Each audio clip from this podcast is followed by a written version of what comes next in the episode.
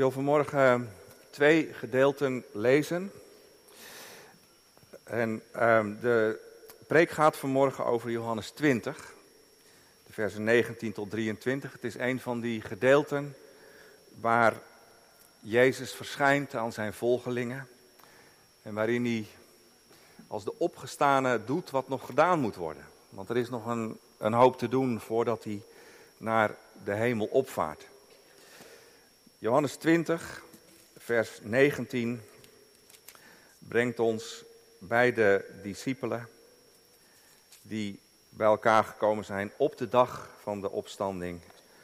Maar echt Pasen is het nog niet geworden voor ze. Het is avond geworden. Johannes 20. Toen het nu avond was op die eerste dag van de week en de deuren van de plaats waar de discipelen bijeen waren, uit vrees voor de Joden gesloten waren, kwam Jezus en hij stond in hun midden en hij zei tegen hen, vrede zij u. En nadat hij dit gezegd had, liet hij hun zijn handen en zijn zij zien. De discipelen dan verblijden zich toen ze de Heer zagen. Jezus dan zei opnieuw tegen hen, vrede zij u. Zoals de Vader mij gezonden heeft, zend ik ook u. En nadat hij dit gezegd had, blies hij op hen en hij zei tegen hen, ontvang de Heilige Geest. Het thema voor de verkondiging is, in welke wereld staan wij op vandaag? En ons antwoord is gezang 210, vers 1, 2 en 4. Ik denk dat we wel zullen merken dat dat eh, gezang prachtig aansluit bij wat Johannes ons eigenlijk wil vertellen. Gezang 210, 1, 2 en 4.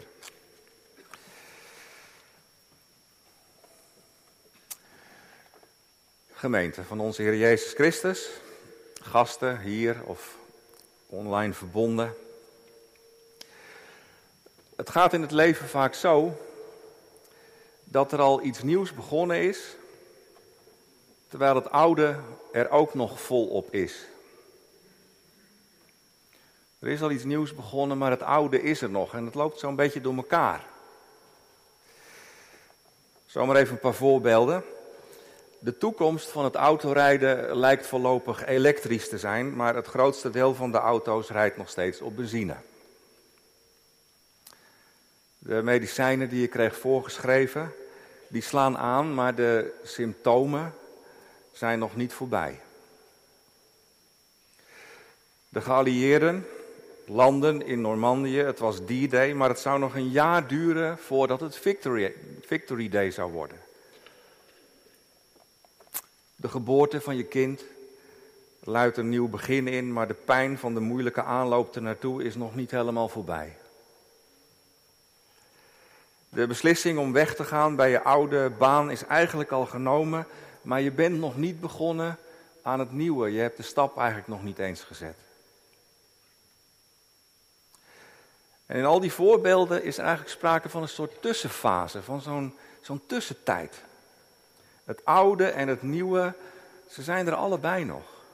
En het loopt door elkaar heen.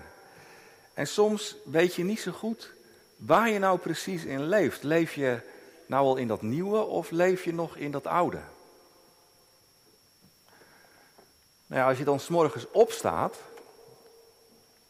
dat is ook zoiets in het leven. Als je s'morgens opstaat, dan heb je dus een keus. In welke werkelijkheid ga ik nou staan vandaag? Sta je op in het oude of sta je op in het nieuwe?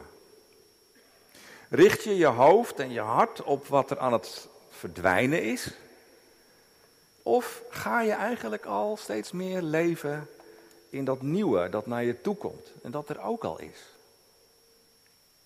Nou, ik denk dat ik niet alleen namens mezelf spreek als ik zeg dat dat laatste, of dat eerste, dat dat op een of andere manier het meest vanzelfsprekend is. Blijven leven in het oude, dat is eigenlijk iets wat wij het makkelijkste doen. Het is makkelijker om op te staan in het oude, omdat dat vertrouwd is, dan dat je opstaat in het nieuwe, omdat het nieuw is en onbekend. Maar ja, het gevolg daarvan weten we ook. Hè? Als je natuurlijk in het oude blijft hangen, dan blijf je ook vaak in je angst zitten en in je onzekerheid. Maar opstaan in het oude, dat is vaak wat we zonder erbij na te denken doen.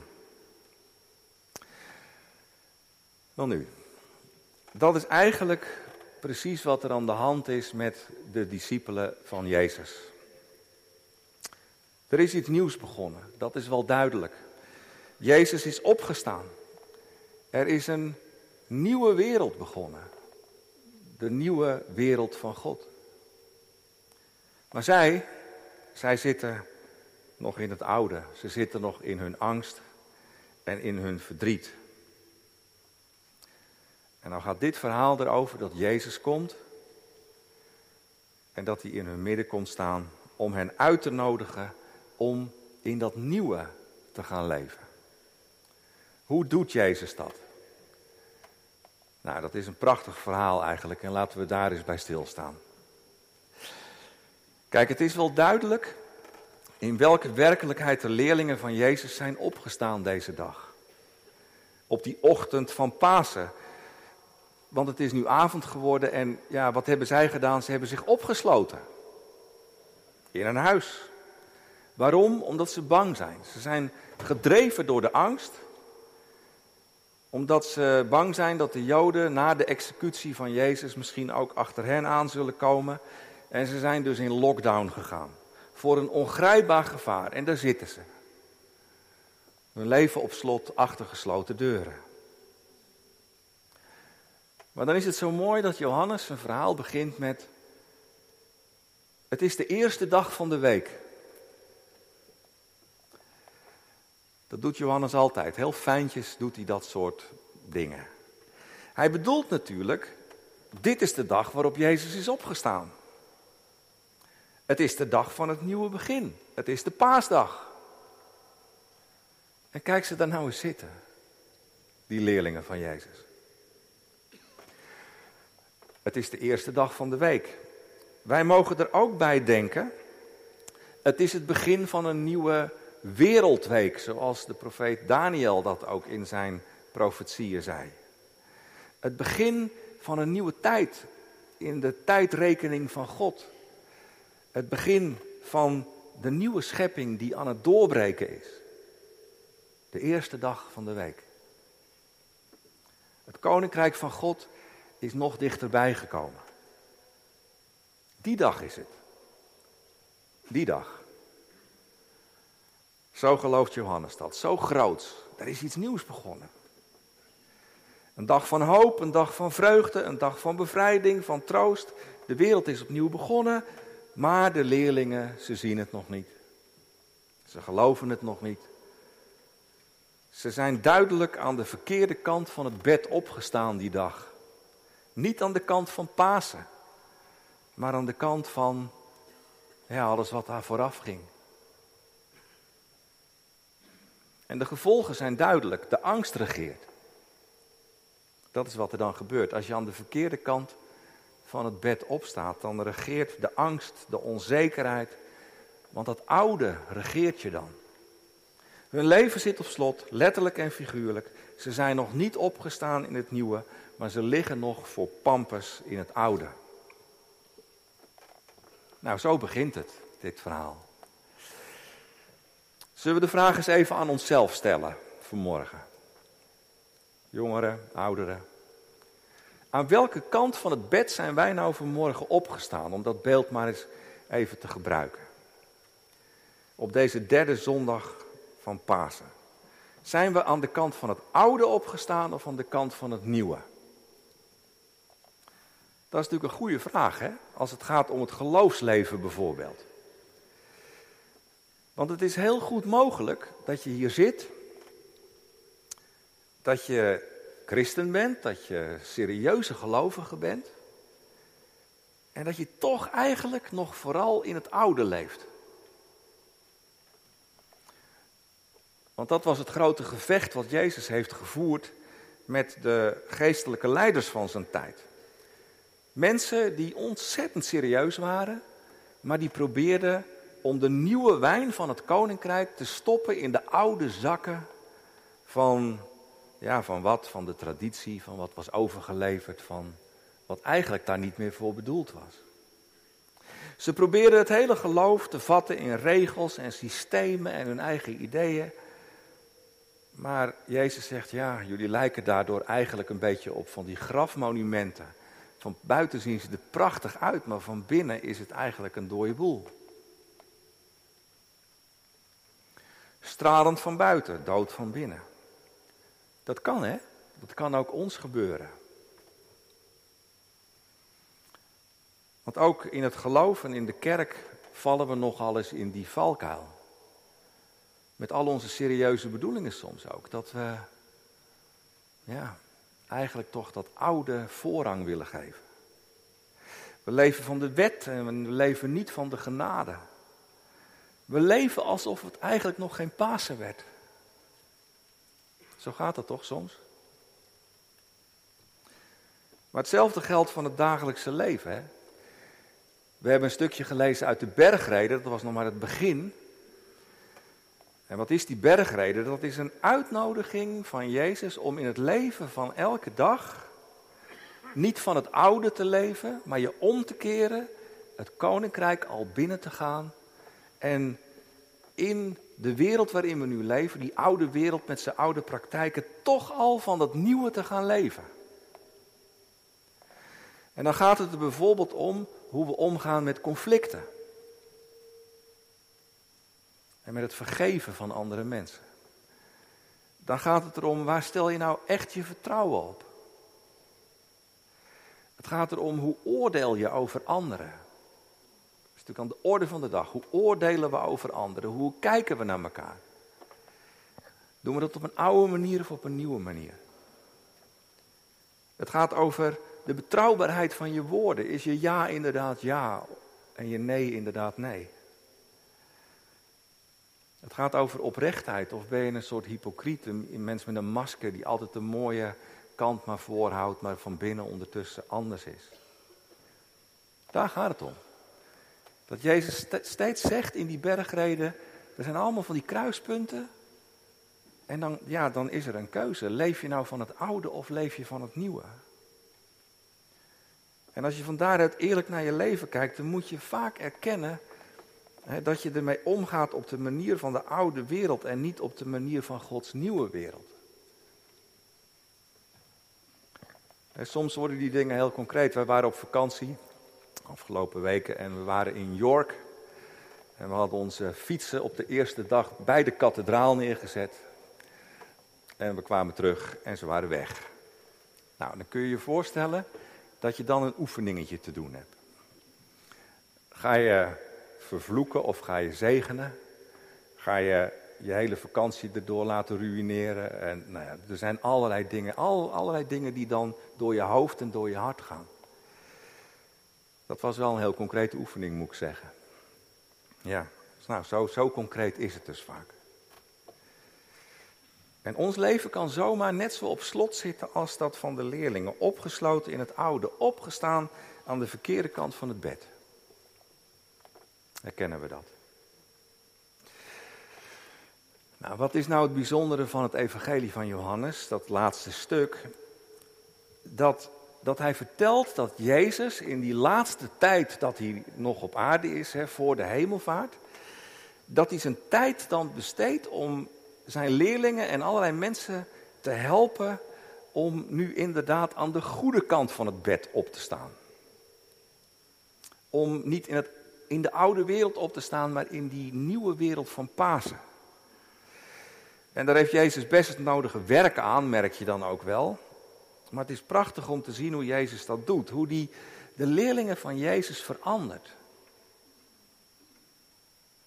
Nou, en dat komt Jezus dus ook met ons doen. Want Jezus is de levende. En we mogen geloven dat hij ook in ons midden is. Dus als het ergens raakt aan je leven, vertrouw er dan maar op dat Jezus hetzelfde met jou, met u wil doen als dat hij doet met die leerlingen. Nou, wat doet Jezus? Kijk, om te beginnen, vers 19. Toen die leerlingen dus in die bange lockdown zaten, toen kwam Jezus en hij stond in het midden. Op een of andere manier ontroeren die woorden me altijd zo ongelooflijk. dat Jezus zomaar in het midden kon staan. Hij hoeft niet door de deur, er is geen enkele belemmering voor hem. Hij loopt een soort in en uit in de levens van mensen. En hij staat in het midden. Dus wij kunnen de deuren op slot doen en we kunnen van alles en nog wat proberen om dingen buiten de deur te houden, maar hij komt gewoon en dan staat hij daar. Ja, en wat kan er allemaal niet gebeuren als de opgestane Jezus echt in het midden komt te staan? Wat kan er dan niet gebeuren in ons leven, in ons gezin, in ons huis, in ons werk, in ons verdriet? Mogen we niet verwachten dat dan er een heel ander licht zal vallen over heel veel dingen? Een licht dat alles anders maakt, in een ander licht zet. Dat hij sowieso dingen zal openbreken. Dat dingen niet zullen blijven zoals ze waren. Toen kwam Jezus en hij stond in hun midden. Toen kwam Jezus en hij stond in ons midden.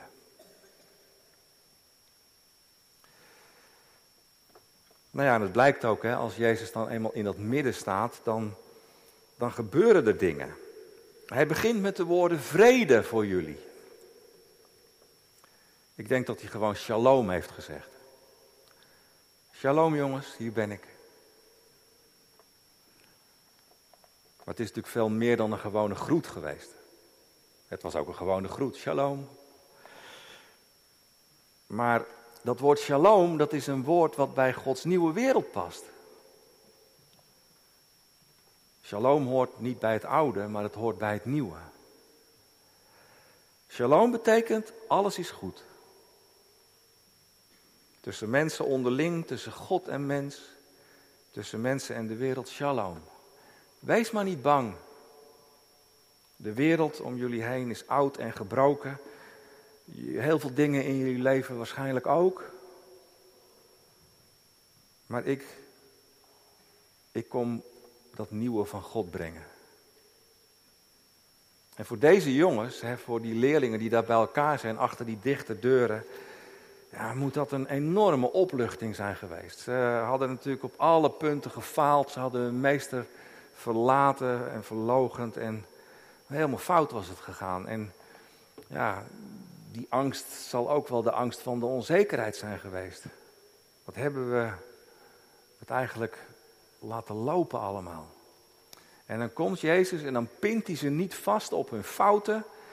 Hij zegt niet van ik ga jullie vastpinnen op wat jullie gedaan hebben, op het, op het oude, op wat voorbij is. Maar ik, ik ga jullie verbinden met het nieuwe. Hij blijft niet bij het oude staan, maar hij richt zich op het nieuwe. Shalom, zegt hij. Shalom. Vrede. Er zit wel een belangrijk detail bij. Want Jezus laat zijn handen zien en zijn zijde. En dat betekent natuurlijk dat hij daarmee laat zien dat hij het werkelijk is. Hè? Dat is één kant daarvan. Maar ik zal nooit vergeten dat op deze kansel jaren geleden dominee Aris Kool uit Utrecht over dit gedeelte ook preekte, over die wonden in de handen van Jezus en in de voeten en in de zijde. En dat hij zei, dat zijn de sporen van het lijden en dat zijn de sporen van de pijn van de oude wereld. En de herinnering daaraan wordt door God en wordt door Jezus niet uitgewist. Jezus walst dus bij dat vrede bij die vredegroet niet over de pijn en de oude ervaringen heen. Maar de oude wonden worden, zei Kool toen, als het ware opgenomen in het nieuwe. Ze krijgen er een plek in. Het is zo troostrijk. Ook onze pijn, ook ons verdriet, ook die, die diepe ervaringen van ons leven. Ze worden door de opgestane Heer niet genegeerd. Maar ze worden gezien en ze worden meegenomen. En dat is belangrijk, hè? want als het over, over dat geloof in de opgestane gaat en over het paasgeloof, dan kan het soms ook zo zijn dat we een soort even on, on, onevenwichtig overwinningsgeloof gaan aanhangen. Alsof die pijn er allemaal niet meer is of niet meer mag zijn of zo. Dat is het ook niet. En dat blijkt uit die wonden. De opgestane, de verheerlijkte, draagt de wonden met zich mee. En ook ons opstandingsleven laat dat niet allemaal zomaar achter zich, maar het krijgt er wel een plek in. Ja. En dat is denk ik wat we ook onze kinderen mogen meegeven. Het is vandaag moederdag. En uh, ja, als je nou je afvraagt wat is nou je rol als moeder naar je kinderen toe, dan is het misschien wel vooral dit, hè, de, de uitnodiging elke keer opnieuw dat ze mogen opstaan in die, nieuwe, in die nieuwe wereld met Jezus. Dat je kind mag leven in Gods nieuwe wereld, dat Jezus steeds weer een nieuwe start wil geven. Ook als je kind misschien op een bepaald moment helemaal verdwaald raakt helemaal verdwaald raakt in de oude wereld. Dat kan gebeuren. Er zitten hier misschien ook mensen die zijn dat een tijd geweest. Helemaal verdwaald in de oude wereld. En dan toch opnieuw mogen beginnen. Dat mag je je kinderen vertellen als belofte voor het leven. Ja, en dan doet Jezus iets wat, wat eigenlijk zo ongelooflijk is, maar wat wel een, een heel diep patroon is in, in wat Jezus altijd doet Jezus staat daar in het midden en hij zegt vrede, shalom. En dan gaat hij, wat ik al zei, niet eerst eens eventjes uitgebreid terugblikken op wat er allemaal gebeurd is en is misgegaan. Hij gaat niet uitgebreid evalueren. Jongens, kom eens even zitten, want we moeten toch eens eventjes praten over al die dingen. En zo, nee, dat doet hij allemaal niet. In één adem doet hij iets waardoor de leerlingen wel moeten gaan opstaan in die nieuwe wereld. En dat is dit. Hij zegt tegen ze, zoals de Vader mij gezonden heeft, zo zend ik ook jullie. Dus wat hij hier eigenlijk zegt is, de jongens zijn nog nauwelijks van de schrik bekomen en dan zegt hij al, opstaan mannen, want ik heb een prachtige roeping voor jullie. Mijn vader neemt jullie in dienst op dezelfde manier als hij mij in dienst heeft genomen. Zoals de vader mij zond, zo zendt ik ook jullie. Jullie mogen de waarheid gaan verkondigen. Jullie mogen met kracht gaan verkondigen dat er vrijheid is en dat er vergeving is en dat er iets nieuws begonnen is. Vind je dat niet fantastisch? Opstaan, ga het maar doen. Jezus zet zijn leerlingen echt letterlijk weer op hun voeten. En hij geeft ze de grootst denkbare taak in het koninkrijk mee. Ze mogen beelddragers zijn van Hem. Daarin groeien. Ambassadeurs in en van Gods nieuwe wereld. Gevolmachtigden van God. Mensen met allemaal wonden die zich met zich meedragen. Het is natuurlijk ook een onmogelijke taak, zou je denken. Tenminste, als je hem probeert te vervullen in en met de middelen van de oude wereld. Als je dat gaat proberen, dan, dan wordt het niks. Maar dat is nou precies niet de bedoeling. En dat blijkt uit dat blazen van Jezus. Want daar zit misschien wel het, het hele evangelie in, in het blazen van Jezus. Jezus die blaast op hen. En hij zegt, ontvang de Heilige Geest. Hij blaast hen de levensadem van de nieuwe schepping in. Genesis 2. Zoals God in Genesis de oude Adam het leven inblies, zo blaast hij hier het nieuwe leven in. En in één adem door blaast hij dus ook de geestkracht in die de jongens nodig hebben om hun grote taak te gaan vervullen. En door die adem mogen ze dus opstaan en, en gaan leven in dat nieuwe leven en het ook gaan uitdragen. Dat gaat zo in één adem door. Nieuw leven, paasleven, aan de goede kant van het bed. Ik zou even dat we in Engeland waren en we bezochten ook het eiland Lindisfarne. Aan de noordkust van Engeland. En daar kom je dan dat verhaal tegen dat er een koning was in de zevende eeuw. Die op een bepaald moment zich bekeerde tot het christendom. En toen heeft hij een aantal monniken van het eiland Iona geroepen. Willen jullie hier komen en hier ook een nieuw begin maken? En er zijn toen een aantal mensen gekomen op dat eiland Lindisfarne gaan wonen. En ik vond het eigenlijk zo indrukwekkend. Mensen als Eden en Beda en Cuthbert. Mensen die geroepen werden, maar eigenlijk in een onmogelijke situatie terechtkwamen. Want niemand zat op dat evangelie te wachten. En er was een soort cultuur die ook helemaal niet leek te passen bij het evangelie. Maar ze zijn gekomen en ze zijn gaan bidden en ze zijn in die psalmen gaan leven. En ze hebben gedaan wat ze, wat ze, wat ze toen deden. En langzamerhand gingen de harten openen, open en begon het daar. Die geestkracht die was er. En als je er bent op dat eiland, dan voel je dat nog steeds. Hoe, ja, hoe dat het begin van Pasen is geweest. Een soort opstanding in, in een wereld waar, de, waar je dacht, ja, dit, dit, dit kan nooit wat worden. Maar het werd wel wat. Nou, dat is de belofte van Pasen. En dat betekent dus dat midden in het oude, en dat oude is er natuurlijk nog, maar midden in het oude is het nieuwe al begonnen. En wat moeten wij nou doen? Ten slotte, en wat kunnen we doen om in dat nieuwe leven te gaan leven? Nou, ik, ik, ik maak het maar zo concreet mogelijk in het beeld van wat ik al gebruikte. Elke morgen aan de goede kant van het bed opstaan.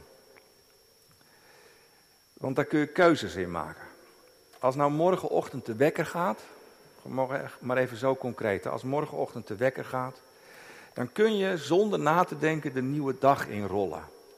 Dat gebeurt natuurlijk het makkelijkst als je meteen je telefoon aanzet en uh, al die piepjes en dingetjes gaat volgen. Maar als je dat doet, dan heb je een dikke kans dat je in de oude wereld terechtkomt. Maar wat als je nou eerst stil wordt? En als je contact zoekt met de levende Jezus en tegen Hem zegt aan het begin van die nieuwe dag: Heer Jezus, mag ik vandaag met U opstaan in de nieuwe wereld? Wilt U me helpen vandaag om op al die kruispunten die ik tegen zal komen, niet in de oude wereld te leven, maar me te oefenen om in de nieuwe wereld te leven? Wilt u me leiden door die geest die u op uw leerlingen geblazen hebt en ook op mij, zodat ik de goede keuzes zal maken? Zullen we dat morgenochtend proberen? Zullen we dat morgen eens oefenen? Als de wekker gaat. Om aan de goede kant van het bed op te staan. Ja, en daar hoort dan ook in één adem bij dat wij ook onszelf gezonde mogen weten. Aan het begin van iedere nieuwe dag mag je opstaan met de woorden van Jezus in je oren. Zoals de Vader mij zendt, zo zend ik ook jou. Dat hoeft allemaal niet zo groot te zijn als bij die Eden en die Beda en die Cuthbert daar in Noord-Engeland. Het kan heel klein in de gewone dingen van elke dag. Misschien kun je het je moeilijk voorstellen, omdat de pijn van de oude wereld nog groot is en omdat je denkt, joh, ik ben nog niet eens in het reinen met mezelf. Of omdat je voor je gevoel nog zo vast zit in allerlei oude patronen. Nou, bedenk dan maar dat die die jongens in dit verhaal, dat dat allemaal gewonde en falende mensen waren. Hun verleden maakte hen totaal ongeschikt om apostel te worden. Maar Jezus nodigt ze uit om in de wereld van de toekomst te gaan staan en hij zegt, ga maar. Ik ben met jullie, mijn geest is met jullie. Ik zal jullie vernieuwen en leiden. En het prachtige is dat iemand als Paulus later de wonden van zijn verleden. En we weten, hij had de gemeente van Jezus vervolgd.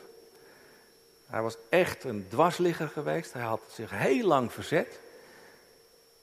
En het is eigenlijk altijd met hem meegegaan als een oude wond. Hoe had dat kunnen gebeuren? Maar tegelijkertijd is hij die oude wond als een bron van kracht gaan zien. En op allerlei plaatsen herinnert hij zijn lezers eraan. Ik heb de Heer vervolgd, maar juist zo mag ik apostel zijn en in dienst van Hem die mijn verleden droeg en de toekomst voor me opende, de weg gaan.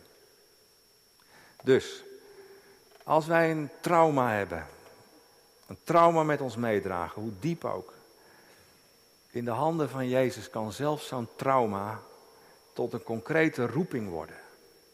Hoe vaak zien we het ook niet, hè? dat mensen die hun oude pijn uh, onder ogen zien, dat ze die ook gaan inzetten om anderen met zulke trauma's ook te helpen en bij te staan. Oude wonden kunnen in de handen van de opgestaande tot een bron van heling worden. voor anderen. Dat is een van de wonderen van Pasen.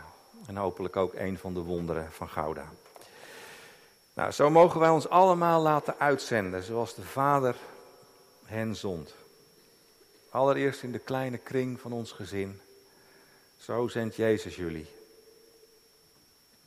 Dat betekent elkaar ook dagelijks helpen opstaan aan die goede kant. In Gods nieuwe wereld. In de kringen waar je verkeert, in de kerk, in je werkkring, toevallige ontmoetingen op straat, je vriendenkring, noem het maar op. En natuurlijk zullen er altijd dagen zijn en momenten dat mensen denken, nou, die is ook met de verkeerde, zijn verkeerde been uit bed gestapt. Maar hopelijk zal het vaker zo zijn. En steeds vaker zo. Dat ze iets anders zullen merken. Namelijk dat we aan de goede kant van het bed uitstapten. Aan de kant van Pasen. In welke wereld staan wij op vandaag en morgen? Ik hoop eigenlijk dat het geen vraag meer is. Amen.